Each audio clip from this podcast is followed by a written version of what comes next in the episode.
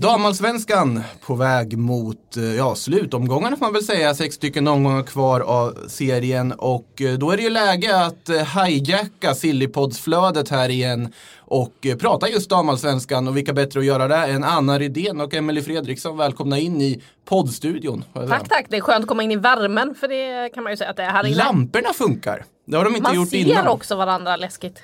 Det här är helt nytt för mig. ja, det är väldigt härligt att vara här tycker jag. Ja. Mm. Det är ju sista versen på den här. Vi har ju en ny fräsch poddstudio som håller på att bygga sig borta också. Så att vi får göra det bästa av situationen här och eh, njuta medan vi kan av det här gamla lilla krypinnet som vi har här på redaktionen. Eh, men nog om poddstudios. Damallsvenskan.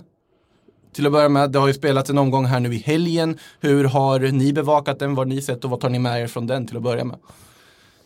Ja, Emelie lämnar över med varm hand här till mig. Eh, som eh, faktiskt har varit var ute på en match den här helgen. Eh, jag var på Tunavallen såg El Gnellico som ju Kristoffer oh. Bergström döpte gnällbältesderbyt mellan Eskilstuna och Örebro till efter premiäromgången som ju slutade 3-3. I den matchen hände precis allt. Det var självmål, det var drömmål. Ja herregud, eh, det, hände hur mycket som helst i den. Och eh, det var väl kanske inte lika intensivt eh, igår då, men eh, gnälligt, det var det. Det var smällar. Amanda Nildén visade upp en blåtira efter och sa hallå, det här var liksom inte ens frispark. Eh, så att, ja, känslor fanns det och för Eskilstuna blev det ju tre väldigt, väldigt viktiga poäng i bottenstriden som de ju är indragna i låg på nedflyttning inför matchen men har nu klättrat lite i tabellen så att eh, inte under nedflyttningsstrecket men i allra högsta grad i bottenstriden. Mm. Vi kommer in på just de här striderna för det är där man kan se i den här tabellen om man ska försöka dra någon form av generella slutsatser av de här tolv lagens placering. Så är det ju att det finns diverse strider som fortfarande lever i princip överallt i tabellen. Eh, Emelie, vad är dina tankar liksom, om omgången som varit över de striderna? Ja, vi, eh, jag var i Stockholm och vi hade ju eh, studiosändning kring eh, Göteborgs match i helgen som de vann med 3-0. Men det var ju svårt att inte kika lite vid sidan om på Rosengårds match mot Umeå som blev 0-0 och den tajtar ju till toppen rejält får man säga så det var väl det stora intrycket från helgen att vi har en väldigt, väldigt levande guldstrid och det tycker jag är härligt. Och det är kanske lite även landslagsbaksmälla för vi har ju haft eh, EM-kvaluppehåll i damallsvenskan inför den här omgången. Eh, Rosengård sex spelade i det svenska A-landslaget dessutom. Cankovic på uppdrag för Serbien och så hade de eh, eh, Svava och Trölsgård för Danmark. De har liksom varit iväg i stort sett allihopa på olika landslagsuppdrag och det syntes ju de, till exempel Björn och Seger brukar vi inte se starta på bänken, svenska lagkaptenen. Eh, lite slitna och eh, ja, det verkar ha kostat det här landslagsuppehållet för eh, en del av lagen i serien. Ja, ska vi börja där? med Rosengård Umeå. Det känns väl ändå som resultatmässigt det intressanta. Det kanske inte är mest underhållande med 0-0 på tavlan. Men ja, vad kan vi hämta från den matchen då? Du var inne på det Anna lite, att de vilar ganska mycket spelare. Var det det som var liksom fallet, att liksom, reserverna inte riktigt höll? Ja, och sen tycker jag att eh, en sån som Anna Anvegård som är otroligt formstark, det visade hon under eh, landslagsmatcherna också. Hon såg lite sliten ut. Ehm, sen hade vi en sån som Mimmi Larsson som faktiskt fick hoppa in, gjorde inga större intryck.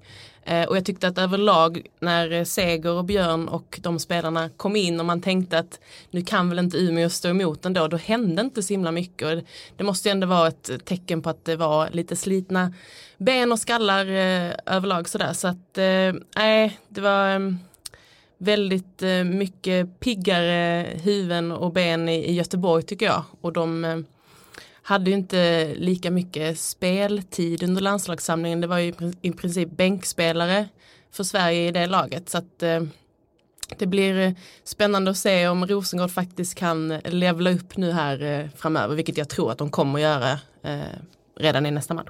Ja, det känns ju som att det, det kan ju bara varit ett uppvaknande för dem att okej, okay, vi kan inte hålla på och rotera och fjanta oss i princip. Det, då kommer det kosta den här serien. Det är inte som det har varit vissa andra säsonger när man bara kan ja, lägga ut vänsterskon och sen få med sig tre poäng från den typen av matcher. Men Umeå måste man också nämna, alltså det de gör, sjätteplats här nu. Det är otroligt imponerande och jag vet inte om Kristoffer Bergström har börjat bygga det där tältet han ska skicka till Umeå än eller hur det ser ut. Men det, de kommer ju absolut inte bli inblandade allt för hårt i en bottenstrid eller? Eller, eller för vi har ju ja. dragit det där strecket mellan plats 5 och 6. Det är ju som så att Umeå med sina 19 poäng ligger på en eh, sjätte plats. Eh, och det imponerar ju framförallt att ta poäng borta mot Rosengård. Men tittar man då neråt i tabellen så har ju Växjö som ligger under strecket vaknat. De ligger på 15 poäng under strecket så det är bara 4 poäng ner under strecket för ett lag som Umeå. Så att det är många lag som eh, kan bli indragna i den där. Sen så kan det ju räcka med en seger eller två till så känner man sig ganska trygga i mitten av tabellen. Men eh, som det ser ut just nu skulle jag vilja säga att Umeå riskerar att bli indragna i den där bottenstriden som nykomlingar. Det gäller att lyckas stå emot och eh, ja, Göteborg i nästa match gör ju inte det hela lättare för Umeås del. Jag ser Vittsjö borta på det efter det och Kristianstad hemma efter det. Så tre torsk där är ju inte helt omöjligt att tänka sig och då kan man ju bli indragna för det är ju så pass jämnt som du säger liksom i de där. Ja, under plats fem helt enkelt. Men Rosengård då? Borta Linköping. Senast de mötte Linköping så var det ju fullkomlig slakt om man får säga så. Det, det ju... får man väl ändå säga. Var... Mimmi Larsson eh, uppskattade att möta sin gamla klubb. Minst. Han har väl sagt. gjort halv, hälften av sina mål mot dem i princip. ja. Ja nästan hälften i alla fall. Jag vet, jag, jag var ju Ska hon göra lika många i det mötet som är i nästa omgång då kommer hon ju absolut vinna skytteligan. Det kan vi slå fast. ja, det, det, det, kan vi nog slå fast. Ja. Det ska vara väldigt mycket till känns det som. Linköping borde ha lärt sig någonting från den överkörningen. Eh, men vad har vi för tankar annars då? För det är ju en viktig match för Rosengård just med det här poängtappet. Med Göteborg som nu är hack i häl återigen i den här tabellen. Och sen då svår bortamatch även om ja, man har ju vad heter, övertaget på Linköping rent mentalt i alla fall. Men ändå en svår bortamatch. Vad blir nyckeln för Rosengård där?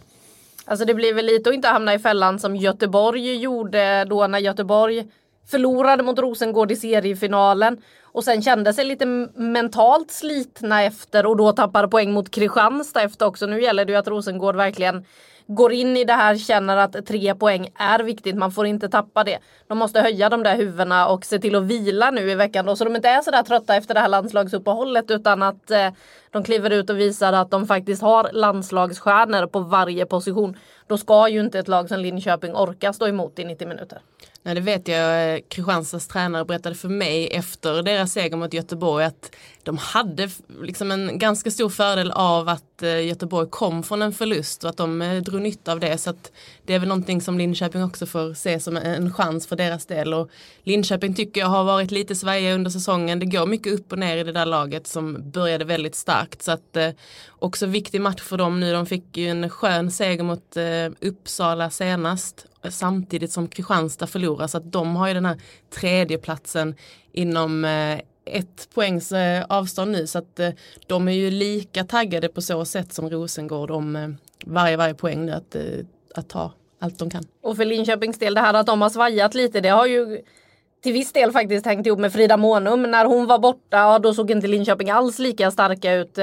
Månum missade visserligen en straff i senaste matchen men blev också matchhjälte. Gjorde det där avgörande målet som eh, ledde till 1-0. Så att eh, en Frida Månum som är taggad och kliver in i den där Rosengårdsmatchen. Ja, det, det får Rosengård se upp med. Ja, alltså det känns ju som att Månum är viktigaste spelaren, man får säga så i Linköping. Alltså man, jag vet Nilla Fischer och sånt finns i laget, men samtidigt så liksom har väl åldern till viss del tagit ut sin rätt där också. Och Månum, landslagsspelare i Norge, det är ju jätteviktigt att de får igång henne. De ska överhuvudtaget någon chans att ta poäng mot Rosengård där. Känns det ju som i alla fall.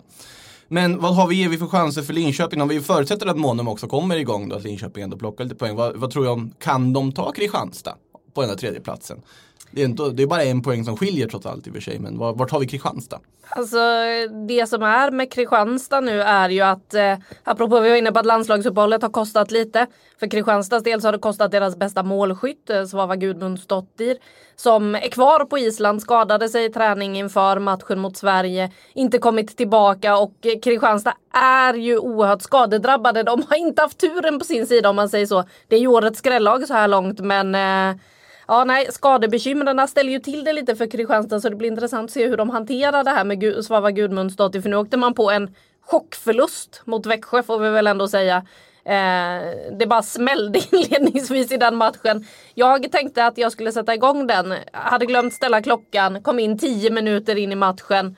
Ja, då stod det 2-1 till Växjö redan.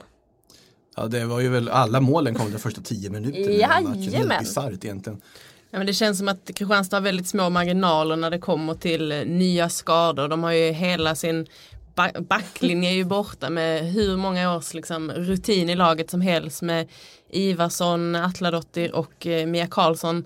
Eh, men då ska man samtidigt veta att Linköping har inte heller haft det så roligt den här säsongen. De har haft eh, många borta skadade och värvningar som har kommit in och skadat sig och så vidare. Så att båda de lagen känns ju ehm, i det tunnaste laget och eh, Vittsjö, de, eh, de vet ju hur det är att vara i det tunnaste laget. De inledde säsongen eh, utan bänk i princip. Eh, men de har å sin sida stått för väldigt liksom, lyckade värvningar. Så att, jag tror att det kan bli en, en kamp mellan alla de här tre lagen och inför helgen så fick jag ju uppdraget att tippa hur det här skulle sluta. Åh, roligt! Och då- Allt att vinna. Eh, då tippade jag ju att Kristianstad ska knipa den här tredjeplatsen och att Vittsjö ska lyckas ta sig förbi Linköping. Eh, Ah. Men då spelade då Vittsjö 1-1 mot Djurgården och Linköping fick en trepoängare. Så att, eh, ja, de ska ju alltid motbevisa en, så är det ju. Men eh, jag får hålla fast vid det nu och ehm, jag tror på Kristianstad och jag tror att Linköping eh, får det tufft om den tredjeplatsen. En sak att lyfta med Kristianstad med, förutom då liksom skadeproblemen och sådär de har haft, är ju att de har en av eh, de spelarna som väl kanske flest har fått upp eh, ögonen för den här säsongen, Therese S. Åsland som eh, som, det var inte så många i Sverige som hade stenkoll på den eh, norska mittfältaren men eh, nu har hon ju visat upp sig rejält den här säsongen och är ju en eh, fröjd att se på planen. Ja men så är det. Hon gör ju eh, saker som in, inte så många andra i den här serien gör. Eh, och är väldigt underhållande att se. Fantastiskt tillslag och så vidare. Eh, man är väldigt spänd på en eh, intervju med henne. Det har vi ju själva inte fixat än. Men man eh, vill ju verkligen sätta sig ner och prata med henne. Jag läste någonstans att tränaren sa när hon hade avgjort en match att man blir också galen på henne ibland. Så att eh, det finns nog en hel del eh, spännande ingredienser i var det någon mer detalj varför man blev galen? Nej, det? och det är det man vill veta. Man vill veta allt om eh, Cessi som hon kallas. Eh, hon är ju en spelare som inte riktigt har lyckats. Eh, hon, alltså, hon är ju bra, sticker ut men har ju haft problem i Norge till exempel i landslaget för att hon är ganska bra på ganska mycket. Så att hon har liksom plockats in av Martin Sjögren som ju är förbundskapten där på lite olika positioner och fått vara lite av en hjälpgumma snarare än att verkligen få blomma Ah. ut. Så att eh, ja, nej, det, vi kan få se mer av henne framöver och jag hoppas ju också att vi snart får se och läsa mer om henne för jag vill veta allt om Therese SS i Åsland och ska man se Kristianstad den här säsongen så, så håll utkik efter Sessi. Man ska dra en lite herrallsvensk parallell så känns det som eh, Isak Bergman Johannessons roll i Norrköping. Han är ju otroligt talangfull och 17-åriga islänningar de har. Men spelar ju in, ska vara inne mittfältare egentligen. Men har ju använts som vänsterback och på en kant och jag vet inte vad. Och, eh, och, liksom, och där är han ju, han är okej. okej. Men han är inte, det är inte hans rätta position. Så kanske är det där problemet man har haft med Sessi också. Kan tänka sig. Men nu när hon får spela rätt så blommar hon rejält.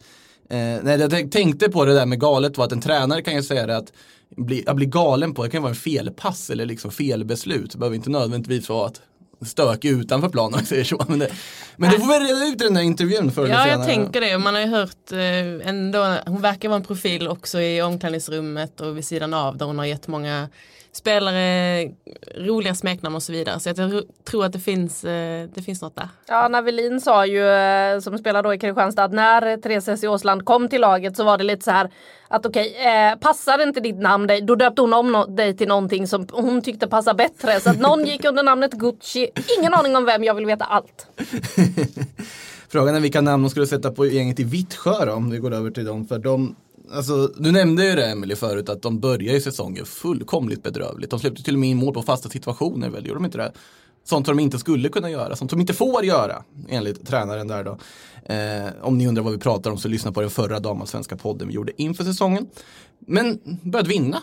Vinner massa matcher här nu och är ju alltså med och slåss om den här CL-platsen efter den här succésäsongen förra säsongen. Va, är vi förvånade att de lyckas ändå hitta så här pass rätt som de har gjort? Ehm, ja, men lite förvånande att det gick så snabbt att ta sig från botten till eh, nu, eh, liksom, inte Mm. riktigt toppen, men eh, bland eh, topplagen. Eh, jag var själv, liksom, hängde inte riktigt med hur snabbt det gick för dem att ta sig upp. Eh, men det är klart, alltså, för deras del, om man eh, förstod tränarna rätt, så handlade det ju eh, väldigt mycket om bara så här känslan av att fylla bänken. Alltså jag pratade med eh, Klara Markstedt också som sa det efter eh, en av deras förlösande segrar där i början att, eh, ja, att det gav ett annat självförtroende att kunna gå in i dueller, kunna ta ut sig totalt och veta att det är faktiskt någon som kan komma in och ersätta mig. Att de hade spelat tidigare utan den känslan och det är ju förödande för ett lag, det kan man ju själv förstå att liksom man inte går in 100% med den oron. Så att ehm, eh, bara den, den lösningen gav ju mycket och sen då att de ändå har, har fått in spelare som gör skillnad och eh, ja, det har gått snabbt för dem. Ja, de har ju verkligen lyckats med sina nyförvärv. Vi har sett eh, mindre lyckade på andra håll i damallsvenskan men i Vittsjö så har ju spelarna tillfört. Eh, Emily Gielnik till exempel har ju gjort en hel del fantastiska matcher och eh, verkligen avgjort för Vittsjös del. Så att eh, det gick väldigt fort upp för, för dem. De var ju indragna, verkligen låg i botten eh, på nedflyttning. Eh, tränarna var lugna och sa att nej, nej, vi ser inte det här som någon kris. Det är lugnt här och man själv kände bara nej, oh, jag börjar bli orolig för er skull. Liksom så här. Och så visade de ju att ja, nej, men allt de behövde var en full bänk så kommer de tillbaka på vinnarspåret. Så att, eh, jag förstår att de inte var oroliga och eh, de som såg dem hela tiden. Eh, från sidan så eh, såg det betydligt mer oroväckande ut. Ja det hjälper ju avbytare kan man intyga från egen, egen Ja. erfarenhet i korpen dylikt. Liksom, att det, det är jobbigt när man inte har några på bänken. Så att det är en helt bisarr situation de ändå satt i måste man ju säga. Ja. Men man blir ju glad också att ett lag också fortsätter ge tränaren förtroende och fortsätter tro på det även om det går så pass dåligt och ändå har tålamodet och att det lönar sig. Sånt blir man alltid väldigt glad av att se för det är ju ganska ofta så annars att man kickar tränare lite väl fort i vissa lägen och här kanske man snarare har tagit rätt beslut. Och samtidigt om det inte hade gått bra så hade man kickat tränaren för sent istället. Så att, ja, det, är en, det är en svår gränsdragning. Ja, i damallsvenskan har vi faktiskt bara sett en sån förändring och det är ju i Växjö där eh, Magnus Olsson har fått eh, kliva åt sidan och så har Maria Nilsson som var med i ledarstaben och var väl delad huvudtränare i någon form innan det som har fått ta över helt nu då eh, med vissa problem där med barnpassning för Växjös nya huvudtränare. Var dels därför hon inte tog, eller ville vara huvudtränare. Hon kunde inte vara med på bortamatcherna innan då hennes Sambo är professionell fotbollsspelare också vilket gör att ibland så har han ju bortamatcher och kan då inte ta barnet och då kan hon inte åka med. Så att, ja, de hade delat ansvar i början men det har ju gett utdelning faktiskt eh, när Maria Nilsson har fått ta över det där. Det finns ju ingen gräns för hur många lagledare du kan ha i laget med på Nej, bänken nej. heller. Så att där, där kan, finns det ju ett alternativ möjligtvis. Inte för att förringa det bekymret. Men det har ju ett resultat på plan. Ska ju tilläggas. Två raka segrar och vi nämnde det förut. Slå Kristianstad alltså. Vad, vad, är, det som, vad är det som Maria har förändrat tycker Maria Nilsson? Det är enkelt att titta på laguppställningen till att börja med. En fyrbackslinje har eh, Växjö gått tillbaka till som vi sa i En sån nymodighet. Ja, det känns alltid som vi eh, pratade om efter att vi hade spelat in segertåget och vårt program där vi pratade om höjdpunkter från varje omgång som finns i tv-form. Eh, så sa vi det att det känns ju alltid som att man går tillbaka till 4-4-2. Det är så vi fostrar att så spelas fotboll. Så att spela ett lag 4-4-2 så har man gått tillbaka till det. Och nu har Växjö gjort det och landat där någonstans. Och har ju spelare som eh, Jenny Nordin är väl kanske deras viktigaste spelare eftersom hon kan eh, fylla upp i princip var som helst på planen. Men hon är en sån som också växer av att spela vart som helst på plan. Exakt så. Och eh, sen så har man Ria Öling, finskan, som också betyder otroligt mycket. Och så fick vi se Amanda Jonsson har som gjorde ett drömmål och eh, Emily hon verkar ju hittat tillbaka lite nu till det vi inte har fått se av henne senaste tiden.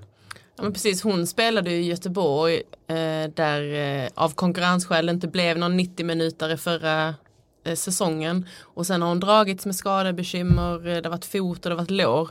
Och nu eh, har hon då själv sagt att nu känner jag mig liksom redo på G. Och hon var ju besviken nu på att den här säsongen eh, snart är över. hon hade gärna sett att den var lite längre. För Har hon sett tabellen? Hon vill att det ska vara fler matcher? Eller, eller just det, hon vill ju att det ska vara längre säsong. Ja, dum jag. Ja, Ja. precis. Hon känner ju att de eh, börjar vakna nu och hon börjar vakna. Börjar se Precis. CL-platsen ligga där borta i horisonten. Ja, nej, men Jenny Nordin var inne på det att nu när de har gått till en fyrbackslinje att eh, det är mycket en mycket större trygghet i Växjö. De hade inte spelarmaterial för en trebackslinje och nu i och med att eh, det defensiva sitter lite bättre så ger det också resultat i offensiven. Eh, och de har ju de hade ju otroligt svårt att göra mål Ja. och det har ju lossnat lite nu här och var. Eh, så att eh, de blir eh, att räkna med. Vi har, gud, vi har eh, räknat bort dem så många gånger. Jag vet inte Förlåt, hur många Växjö. gånger vi har sagt att Eh, eh, de är körda. Ja, jag såg inte framför mig att de skulle vakna till liv på det här sättet men Eh, Samtidigt så är det ju tufft också att klättra. Jag eh, ser ju då lag som Piteå och Eskilstuna här precis ovanför strecket och det är ju lag som, som ska vara högre upp. Så att, eh, Alltså jag, vi kanske trodde skulle slåss om CL-platsen snarare inför den här säsongen som ju en Precis. tredje plats eh, skulle innebära. Inte ligga precis ovanför strecket och hanka sig. Nej, vi gjorde ju fyra stycken lag gjorde vi en så här guldplan eh, kring. Guldplan Rosengård, guldplan Kopparbergs Göteborg och sen gjorde vi då Piteå och Eskilstuna också. Så att eh, det säger lite om vad vi eh, trodde på förhand. Ni gjorde ingen bra plan, verkar det ju som. Om Nej, de ligger där där, eh, där får man skämmas lite. Men eh, så jag tror att eh, lag som Djurgården och KIF Örebro nu kanske är lagen som ändå borde vara mest oroliga för Växjös framfart här. Ja. Men det, om man tittar på de här lagen som vi nämnde här ovanför så har vi ju det. KIF Örebro ligger på sjunde plats här då på 19 poäng, samma som Umeå. Sen har vi ju Eskilstuna, Djurgården, Piteå. Och alla de här tre lagen på olika sätt är ju lag som skulle vara helt förödande för att få åka ur. Eskilstuna för att de, de ska inte helt enkelt vara där. De är topplag med landslagsspelare och har en, någon form av också liksom, publikstöd och någon form av trygghet på ett sätt som väldigt få lag i den här serien har. De har, de har någonting väldigt bra på gång där. Att åka ur det hade varit helt förödande för Eskilstuna. Piteå vann ju guld så sent som för bara ett par år 2018. sedan. Precis. Och ja, det säger väl sig själv varför det skulle vara förödande för dem att åka ur. Och Djurgården Sett i trupp och så vidare, de, de var ju där nere och eh, slogs även förra säsongen men sett i självbild och ja, Stockholm faktiskt så hade det ju varit helt förödande även för dem att åka ur, särskilt när då Stockholmsrivalerna ser ut som de gör också i elitettan samtidigt. Så att vad, det känns ju som att det finns många lag som kan vara oroliga här helt enkelt. Men ska vi gå till Velgnelliko? För där fick ju Eskilstuna tre väldigt, väldigt, väldigt viktiga poäng. Ja det var ju liksom då inför matchen sexan KIF Örebro mot elvan Eskilstuna inför matchen.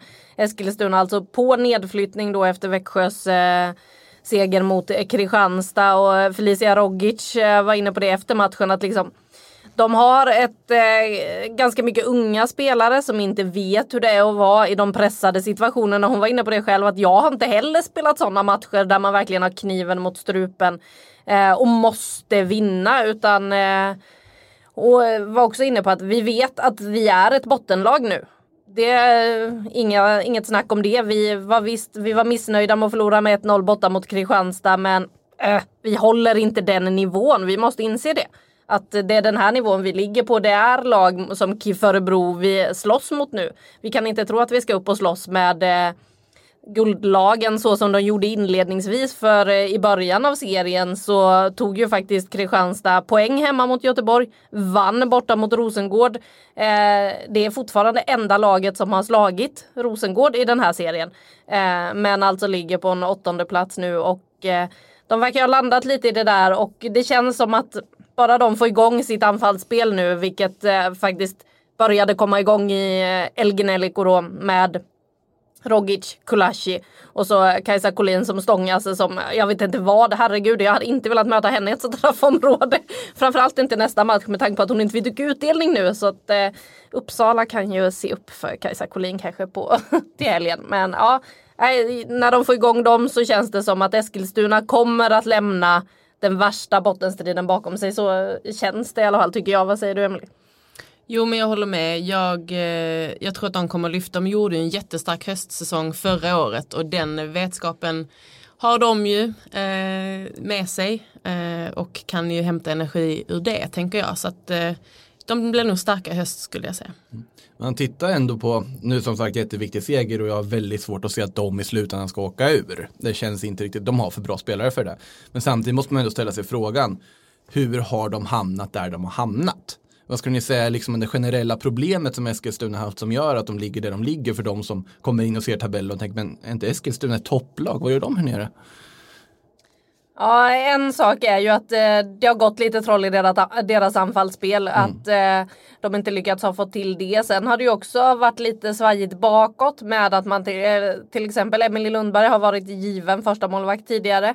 Nu eh, stod hon i Elgineliko igen. Det var bara hennes sjätte match för den här säsongen. Eh, så att man har inte riktigt haft självförtroende, man har inte fått att klaffa och så blev det väl lite då superfin inledning för Eskilstunas del men när det började komma in lite grus i maskineriet så blev det liksom stopp och självförtroendet fick sig en törn.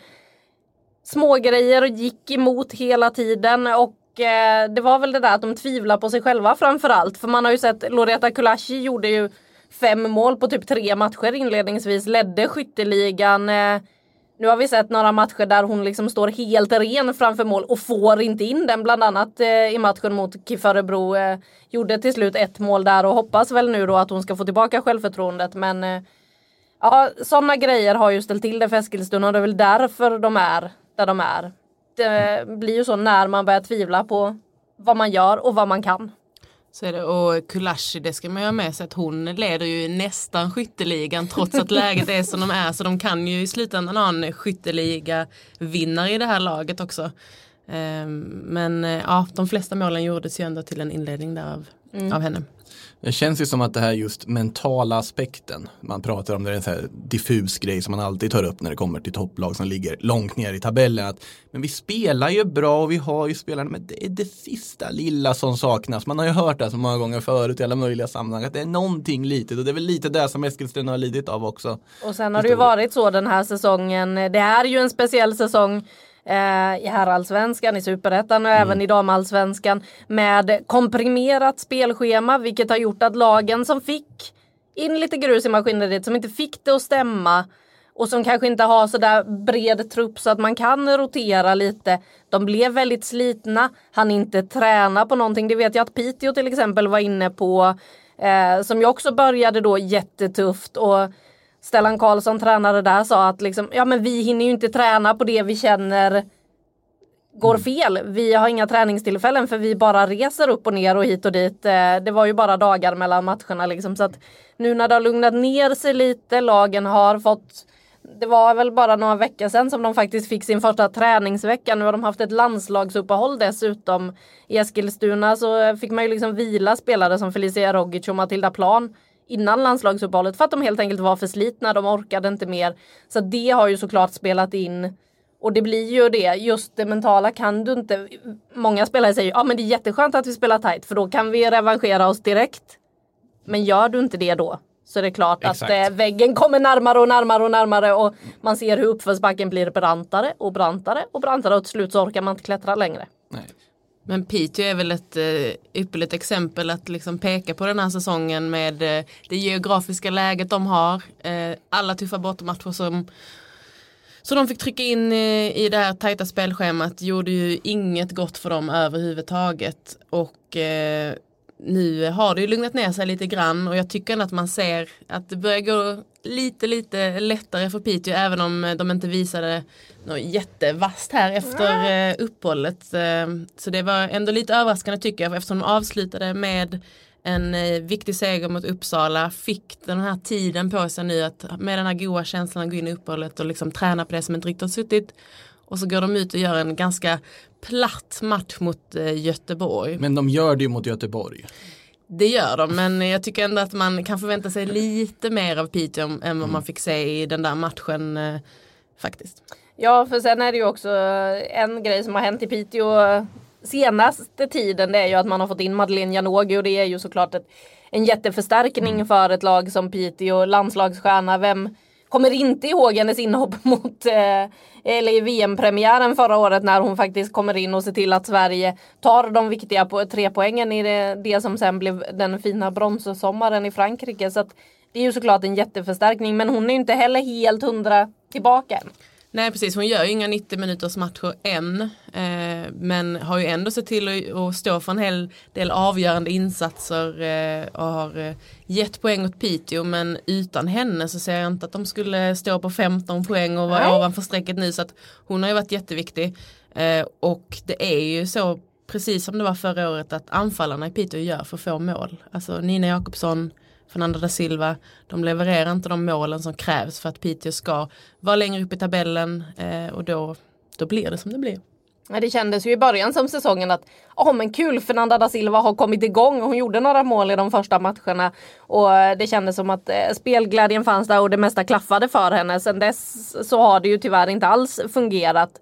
Eh, lite nu igen då när hon har fått lite avlastning tillsammans med Madeleine Janogy. De har ju stått för en del fint tillsammans. Men eh, det är ju ett problem för Piteå. Anfallarna måste ju göra mål och det är ju ett problem som ytterligare ett bottenlag har, nämligen Djurgården. värvade in, apropå det här med värvningar, vi har varit inne på det. Värvade då Hanna Wilkinson eh, efter att Maria Hovmark drog korsbandet, en av alla som har gjort det. Hon gjorde det inför säsongen. Djurgården skulle då stärka upp sitt anfall med Hanna Wilkinson. Emelie, vad ger du den värvningen för betyg? Oh. Nej, den har ju faktiskt varit eh, helt misslyckade får man säga. Eh, behöver kanske inte dra fram den största sågen här men eh, hon eh, spelar ju i princip inte. Alltså, och jag pratade med Djurgårdens tränare när, man, eh, när hon gjorde de här inhoppen till en början och det såg svajigt ut och då sa han Ja men vi är ju vana vid en kort anfallare. Men det var en kort anfallare. Och nu har vi fått in en lång så det, det, krävs både lite mer från henne och lite mer från oss. Men jag, det, det, känns som en svag ursäkt. Ja, hur svårt kan det vara att höja inläggen lite på när man får in en lång anfallare istället? Det känns som att nej, det var nog inte problemet där och sen visst absolut tidsomställning och sådär. Eh, Wilkinson kommer ju från Nya Zeeland men hon har ju inte landat rätt i Djurgården det kan vi konstatera för hon får fortfarande inte spela och eh, ja, de har ju problem med eh, målskyttet för att de släpper ju inte in i princip någonting i Djurgården. De är bra på att hålla tätt bakåt mm. men behöver ju få till målskyttet. Olivia Skog är ju oerhört viktig för Djurgårdens offensiva spel.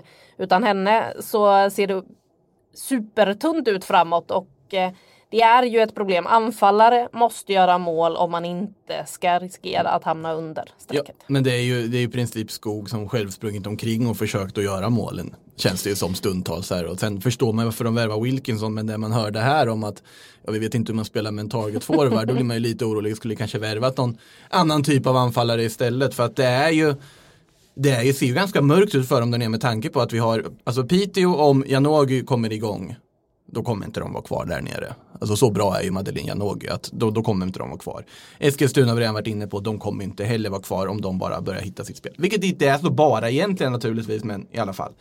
Och Växjö har vi räknat ut så de kommer säkert klara sig. Så att då, då är det ju jobbigt för Djurgården.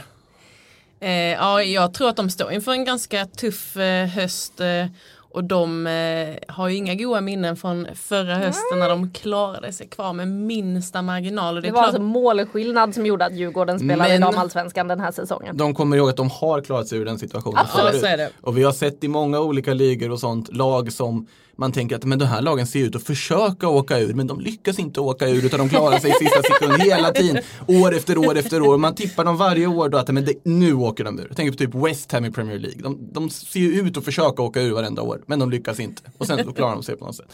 Så, att, något, så vi får se om Djurgården är på väg att bygga något sånt. För det känns som att det är också en förening som vill så pass mycket mer. De vill ju bygga upp någonting och bli den största, vara den största klubben i Stockholm med marginal. Men det känns ju på något sätt som att då måste de börja ta resultat. De kan inte hålla på och harva där nere. Ja, jag vet efter förra säsongen var det ett jättestort missnöje från eh, spelartruppen kring förutsättningarna och de mm. menade ju att när de hade det som tuffast under hösten och de skulle liksom kämpa med sitt liv för att hålla sig kvar, ja men då funkade inte saker som maten inför matcher och resorna klaffade inte som de ville och det var problem med omklädningsrum och allt runt omkring kände de inte var värdigt för, för den situationen man var i.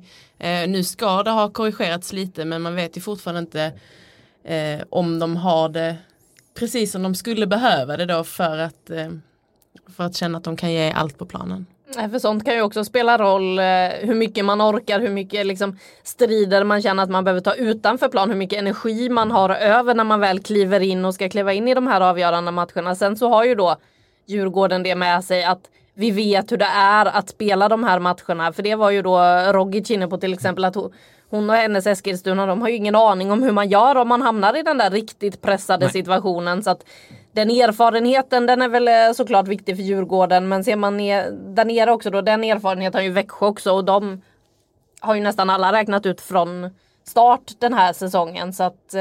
Det känns ju som att de har mindre att förlora än vad Djurgården har. Absolut. För att Djurgården det är ganska nyligen det kändes som att de är indragna där på riktigt eh, igen i, den här bottenstriden så att Eh, nu får Olivia Skog nog dra ett extra tungt lass framöver med sin rutin och det som hon också betyder utanför planen som eh, är ju enormt för det laget. Man får hoppas att organisationen drar sitt strå till stacken också. Att det känns ju som att om det är något lag i den här serien som inte ska ha den typen av problem att klaga på maten de får och eh, liksom förutsättningar. Då är det ju Djurgården med den infrastrukturen. Så ja, det, det finns ju folk runt omkring så att säga. Det har man ju också sett när man till exempel tittar på liksom coronastödet som skulle delas ut eh, till klubbarna. Den eh, damklubb som fick mest var AIK och eh, mycket av det där har ju att göra med att de är i en förening där det finns folk som vet hur man söker pengar.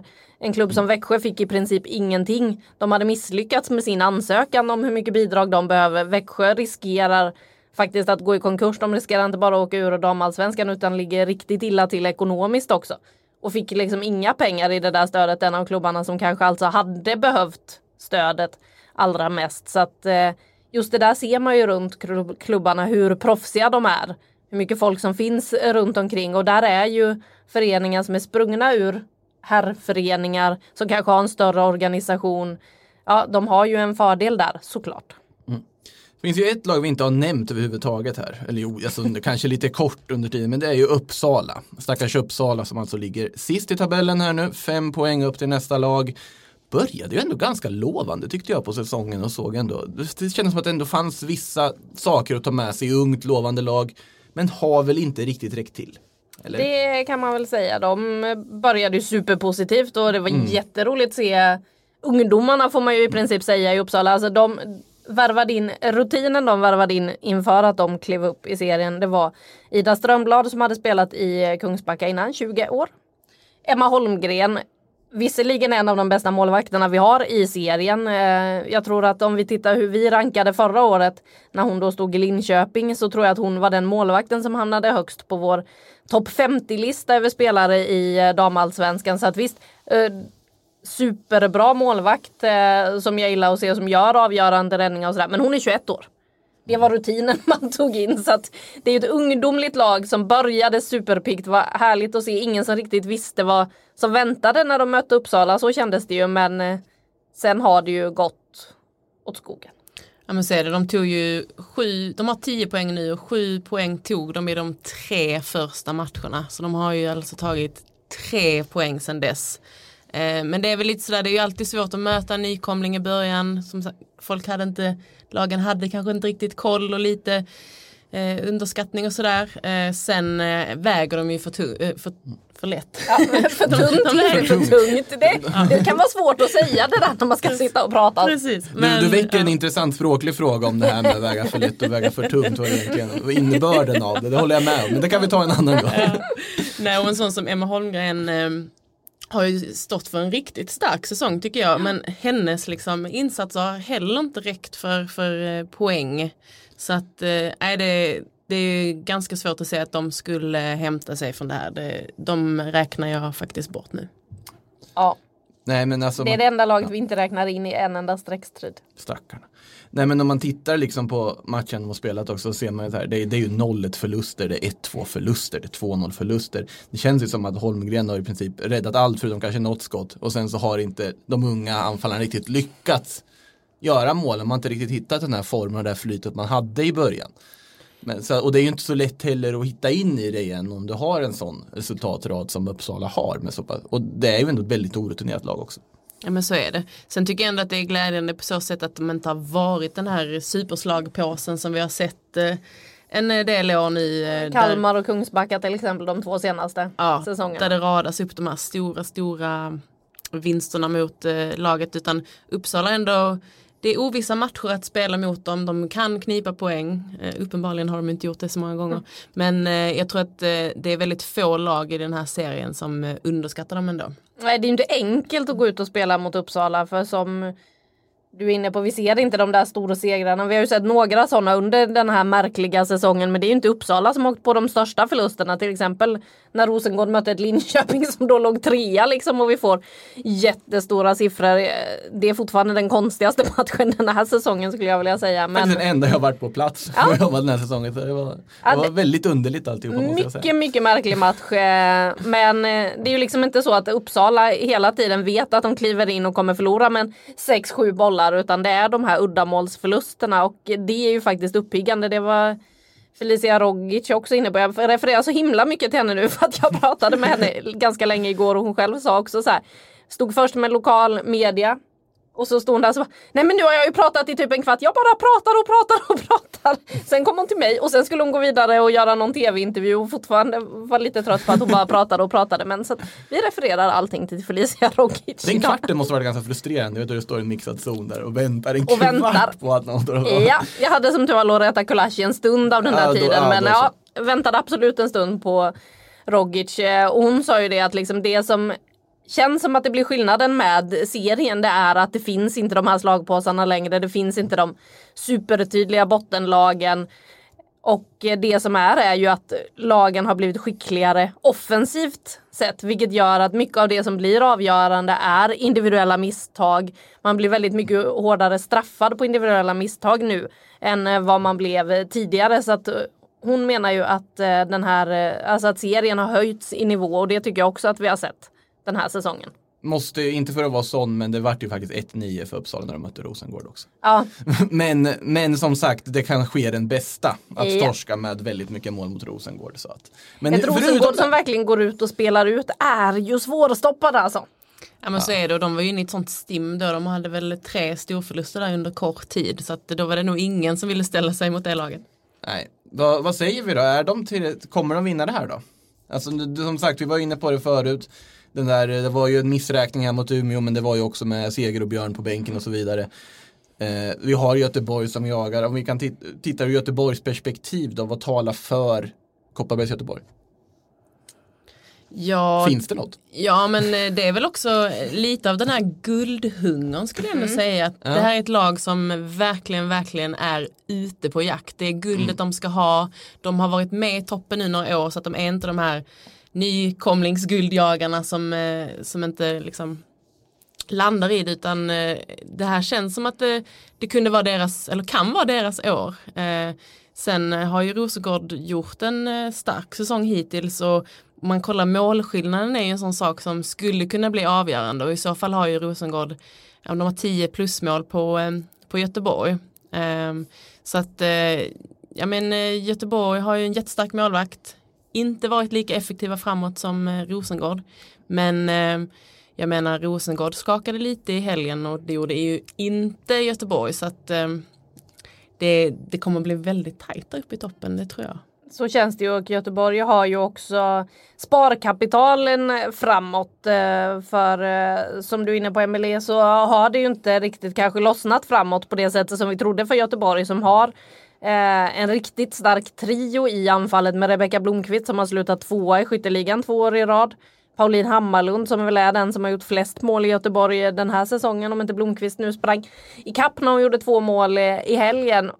Men utöver det så har de ju också Stina Blackstenius som inte riktigt har vaknat den här säsongen, som har haft skadeproblem hit och dit.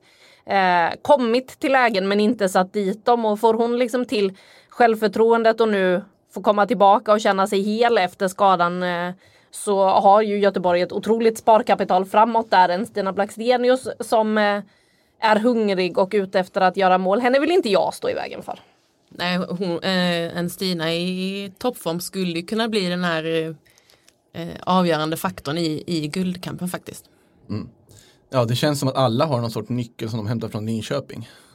Piteå har ju, eller, eller hämtat och hämtat, eller som har ratat Linköping då på vägen och sen då kan vara en nyckel i den här fortsatta striden. För Göteborgs del ska man ju dock tillägga också att även om de inte skulle gå hela vägen i år så är ju det här ett lag som är så pass bra att man borde kunna räkna med dem även nästa säsong. För Ja, där är ju lite Piteå, frågan då om man ser till eh, som Caroline Seger eh, var inne och högg på under landslagsuppehållet här att eh, hon tycker ju inte att Göteborg satsar eh, långsiktigt. De skriver för korta avtal. Det finns inte riktigt stabiliteten runt. Så hon är lite frågande till Göteborgs eh, satsning. Eh. Och ja, det verkar ju kunna svaja lite. där. Det var ju rubriker om Emma Berglund, lagkapten i Göteborg nu i samband med landslagsuppehållet. Vi avslöjade väl att de inte vill förlänga kontraktet med henne så som det ser ut. Det skrevs ett plus ett. Och ja, gnisslar lite i Göteborg ändå kring kontrakt och hur många spelare har de egentligen till nästa säsong Emily? Ja det är lite oklart. De har ju eh, väldigt många utgående kontrakt här. Jag har faktiskt listat en del namn här. Oj. eh, och det är ju då Kuika, Koivisto, Blomqvist och Kolmat som eh, har utgående kontrakt. Sonnet, eh, lån som till slutet av november och sen då Berglund som väl förhandlar eh, ändå lite med klubben. Det, mm, väl, det verkar väl vara tillbaka på den, precis, det planet. Det är väl fortfarande oklart, kommer hon vara kvar? Vill hon vara kvar? Vill klubben ha henne kvar?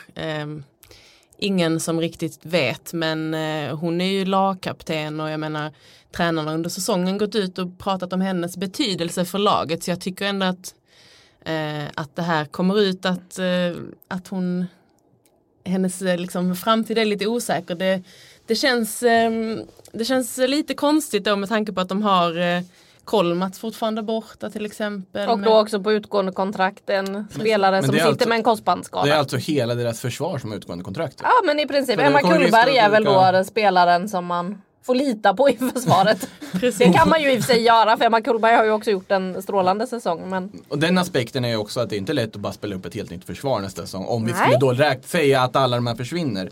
Sen tänker jag längre fram no, i banan. Sen ja. Eh, ska vi tillägga att eh, det här är ett lag som inte kommer förbereda sig inför nästa säsong utan det är faktiskt ett Champions League-spel som väntar i december. Så att det är stora, ja, är redan där. Så ja, det är stora frågetecken redan inför det. Kommer de ha spelare så att det räcker så att säga bara till, till mm. Eh, de viktiga matcherna. Så att lite frågetecken kring eh, truppbygget där men de sitter säkert och spånar för fullt och ja, det jobbas förhoppningsvis rejält i Göteborg på just den frågan med tanke på att eh, Europaspelet drar igång så fort allsvenskan är slut så kommer Europaspelet dra igång för eh, då Göteborg och Rosengård den här säsongen. De som kom etta och tvåa i fjol.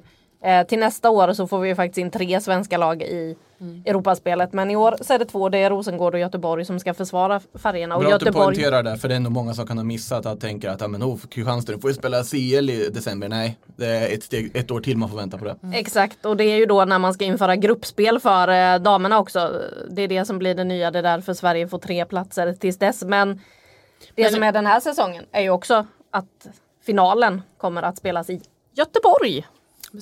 Men om jag ska tillägga bara kring Berglund så har eh, hon ju pratat om också att det väntar en operation för henne på grund av hennes skadebekymmer efter mm. säsongen. Sånt kan ju också spela in för klubben när de håller på att förbereda sig inför Champions League-spel och hennes medverkan kan ju vara lite oklar i så fall. Och så är det ju med också det ekonomiska läget vi har idag. Man vet inte riktigt man vågar kanske inte skriva så långa kontrakt i och med att du vet inte hur det kommer se ut om ett år. Det här, mm. liksom, coronapandemin kan fortfarande vara en del av vår vardag om ett år.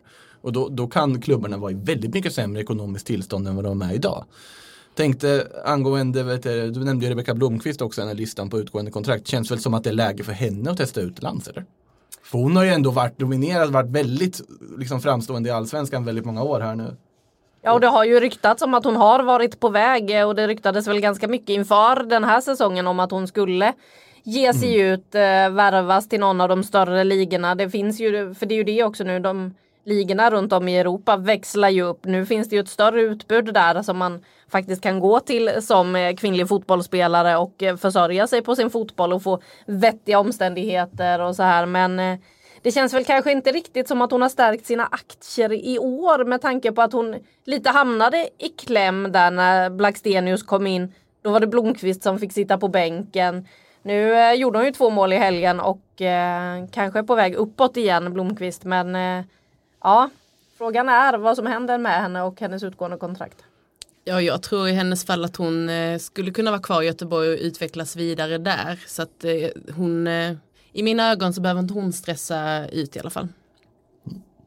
Eh, om, innan vi stänger butiken här, måste ställa frågan också, vi pratar ju om liksom vilka som åker ur, vi har räknat bort Uppsala, vi säger att det finns vissa som kommer ha det tufft. Vilka vinner guldet? Rak fråga. Rosengård. Säger du med en suck? Ja men det är ju för att jag tippade Göteborg, jag trodde att det var deras år. Eh, men jag har ju till skillnad från då vår kollega Kristoffer Bergström svält det där stoltheten och känt att ja nej, det kommer bli Rosengård som drar det längsta strået. Jag tror att de vinner SM-guld igen. Eh, jag tror inte att Göteborg hämtar in där även om det bara skiljer en poäng för att eh, även om vi kanske inte har de där stora skillnaderna i serien så är ju Rosengård och Göteborg i en klass för sig. Nu har Rosengård åkt på en smäll, fick ändå med sig en poäng från den smällen jag tror inte de går på så många mer minor den här säsongen och därför så kommer de ta guldet.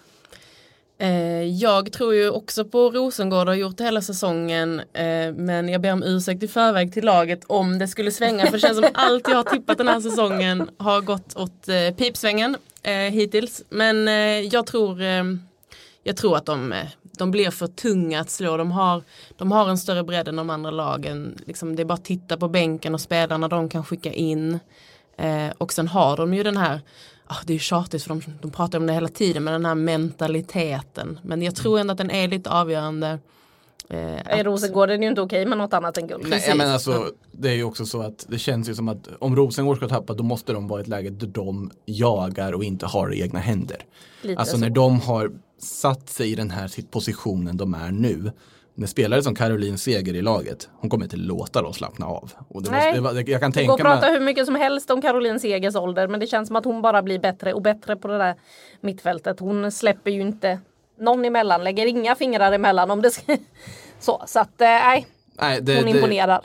Jag tänkte snarare i och för sig med liksom som ledargestalt snarare ja. än med fotbollsfötterna. Men både också håller jag med där det känns inte som de kommer kunna tappa det, sitter man här och säger. Och så blir det säkert så ändå. Men eh, så är det. Vi har faktiskt en liten lyssnarfråga också. Vi kan slänga in här. Eller rättare sagt tre lyssnarfrågor. Men vi har eh, vi har svarat på några av dem. Till att börja med, det är Karl Modig som frågar i alla fall. Vinner målmim i skytteligan? Frågar. Och med målmimi syftar han då på Mimmi Larsson. Hon ligger ju två nu va? Efter Anna Andergård. Hon, eh, vi ska titta. Jag har delat två tillsammans med Loreta Kulashi då på 11 mål. Precis. Nej, men jag, eh, jag satsar min lilla peng på, eh, på Mimmi faktiskt. Eh, nu gjorde hon ett inhopp senast. Jag tror att hon kommer vara tillbaka i ganska gott slag snabbt. Så att hon har väl visat en utveckling i år som jag inte tror kommer stanna av på grund av de här skadebekymren hon har haft nu. Nej, eh, jag säger då att Mimmi Larsson inte vinner för att det ska bli någon form av dynamik där vi kan tala med varandra hela tiden här. Eh, hade ju varit lätt att säga då Anna Anvegård som vet hur man gör massor med mål men eh, för att eh, svänga lite där så säger jag väl då att Kulashi tar hem det. Eh, att hon nu får in självförtroende och börjar sätta alla de här superlägena som hon får tillsammans med sitt anfall i Eskilstuna. Så att äh, Kulashi tar hem det. Men då säger jag Andegård då. Så ja. vi har alla tre här liksom täckta. Så kommer Klara Markstedt eller Hammarlund eller någon av de här på åtta. längre ner i listan nu. Nej. Nej. Uh, sen är det en fråga till som faktiskt passar lite med det vi pratar om. Hur stora är egentligen Rosengårds chanser i Europa? För det är ju intressant här. Vi pratar om att Kopparberg och Göteborg kan få lite problem beroende på kontraktssituationen när de ska spela CL. Vad tror vi om Rosengård? För det känns ju ändå som att avståndet upp till de här bästa lagen i Europa, det har ju växt under de senaste åren. Ja men så är ju känslan och eh, tittar man bara på, på laget så tycker jag ändå att det, det finns väldigt många spännande spelare i Rosengård. Mm. Men jag tror ändå att eh, de väger för Nej, men jag tror ändå att de, de får det allt för tufft mot mm. de stora jättarna i Europa och det har vi ju sett liksom tendenser länge nu på att eh, det krävs mer, det krävs liksom, det krävs en ännu större bredd i laget än vad som finns nu. Eh, så att jag tror att det kommer, ja, det kommer bli tufft för de svenska lagen och även Rosengård som jag tror är det laget som kommer stå sig starkast av de svenska då. Vad skulle vi säga är en godkänt resultat i CL då? För Rosengård. Det beror ju såklart på lottning. Om Exakt. de får Lyon i första rundan då är det bara då, tack och adjö. Men... Ja, lite så. Och det är ju just det där med lottningen. Vilka ställs man mot? Eh, och så får man väl utgå från det sen för att se vad man kan säga om deras insats. Men eh, det känns ju ändå som att de borde kunna ta sig förbi där något steg där när de kliver in. Och det hade ju varit roligt. Man vill ju, alltså när man är uppväxt i början på 2000-talet så vet man ju att eh, de här lagen, Umeå, man är ju van att se dem liksom. Då var på det de allra Umeå, största. Frankfurt och allt vad det var i final på den ja, tiden. Fortuna Görring och allt vad det var på den där tiden. Eh, det var ju härligt. Dit eh, kommer vi nog inte igen, tror Nej. inte jag. Svenska lag kommer inte kunna mäta sig, framförallt inte nu när England till exempel växlar upp. Eh, och Spanien. Vi ser, ja, och vi ser hur liksom storklubbarna där kliver in och mm. börjar markera, lägger in pengar. Sen såklart går det väl ifrågasätta vissa av de satsningarna och hur mycket som faktiskt finns där runt. Men man hör ju spelarna som får vara ute och komma till klubbarna liksom och se träningsanläggningarna, bara alla förutsättningar som finns runt omkring. Det där vi var inne på att i Djurgården till exempel har klagat på att förutsättningarna finns inte för att kunna liksom göra ett eh, okej jobb. Det ser man ju och eh, när då storklubbarna växlar upp så kommer ju avståndet uppåt öka ännu mer för de svenska spelarna. Nu har vi ju två lag framförallt i den här serien där vi har landslagsspelare på i princip varje position. Så att visst, de kan väl hävda sig en bit. Mm. Eh, framförallt då Rosengård med eh, sin erfarenhet och rutinen som finns där. Där har väl inte eh, Göteborg samma rutin heller riktigt i, hos sina landslagsspelare. Nej så är det ju. Det är bara att kolla hur det var nu under landslagssamlingen där de flesta satt på bänken eller läktaren och sådär. Men jag tror att eh, något som blir spännande för de svenska lagen är ändå nu att det blir ett gruppspel framöver mm, i, eh, i, Champions League. Och då blir inte lottningen om man tar sig till gruppspelet ja. inte lika avgörande. För då får man också ställas mot lite av de sämre lagen och lite av de bättre lagen. Och så kan det bli en morot att ta sig dit och få mäta sina krafter. Så det tror jag blir jätteviktigt för de svenska lagen. för man skulle vilja se typ Rosengård, Göteborg möta inte kanske liksom Lyon, Arsenal, PSG, Barca. Men säg att de får möta typ Manchester United, Real Madrid. Typ. Det låter ju starkt men de är ju ungefär, de är lite lägre nivå idag om man tittar på det. Så att och möta sådana lag i ett gruppspel hade varit jättespännande att se hur faktiskt de svenska lagen skulle stå sig. I en sån grupp. Så man är ju jättespänd på liksom det nya formatet som ska komma. Ja, då blir det lite samma som på här sidan när man har sett lag komma hit. Malmö och Östersund har mm. kunnat överraska lite grann och, och då, det blir en stor sak och de tampas ju inte om topplaceringarna i Champions League men blir ändå en väldigt rolig framgång för svensk fotboll och så tror jag att det kan bli på damsidan med framöver att man ser ska, liksom enstaka skalper och sådär att det kan bli avgörande för. Fast det känns som att det är ändå relativt många, många år bort innan liksom, svenska lagen på damsidan är lika uddlösa ute i Europa som de på sidan. Om man ska vara helt ärlig. Det, det, här finns det faktiskt en potential att faktiskt gå vidare och ta till kvartsfinal och faktiskt spela lite, lite som Göteborg på 90-talet. Ja, lite så. Ungefär så. Ja. Med, med den uh, lilla dissen till svensk herrfotboll, ursäkta detta, så tackar tackar vi för oss här. Jättekul att ha er i studion till med Anna och Emily. Vad, vad väntar härnäst? Vad blir matcher i helgen som ja. kommer också? Va? Ja, det blir ju det. Vi ska till exempel till Linköping och se hur det där går. Linköping-Rosengård. Oh. Returen kommer ha studio på plats. Eh, säkert eh, ganska kallt och eh, ruggigt men förhoppningsvis eh, härlig fotbollsunderhållning. Sen ska jag också till Uppsala då och se Uppsala-Eskilstuna men eh, en match jag ser fram emot i övrigt i helgen är ju bottenmötet. Eh, jag känner lite ångest när jag läser Djurgården-Växjö. Det gör jag. ja, det kan jag förstå. Ja, nej, men det blir en, eh, en spännande helg tycker jag och, och, bara se hur lagen har laddat om nu efter vissa som har haft det lite knackigt här efter landslagsuppehållet. Hur många mål gör Mimmi Larsson egentligen? Ja, precis. Om hon gör fem där så tar jag tillbaka mitt tips om hon gör det i Linköping. Men ni får avnjuta de östgötska slätterna. Ni som lyssnat, ni kan avnjuta det vi har att erbjuda från Damallsvenskan på Sportbladet Play. Ni kan också, segertåget borde ha kommit ut. Jajamän. Till och med när ni lyssnar på detta. Då kan ni se alla höjdpunkter och härliga mål och sånt där. Då kan ni se Anna och Emelie prata om Damallsvenskan. Det kanske man inte ska sträva efter, men ja, absolut. Skämt åsido, tack så mycket. Ha det gott. Hej då.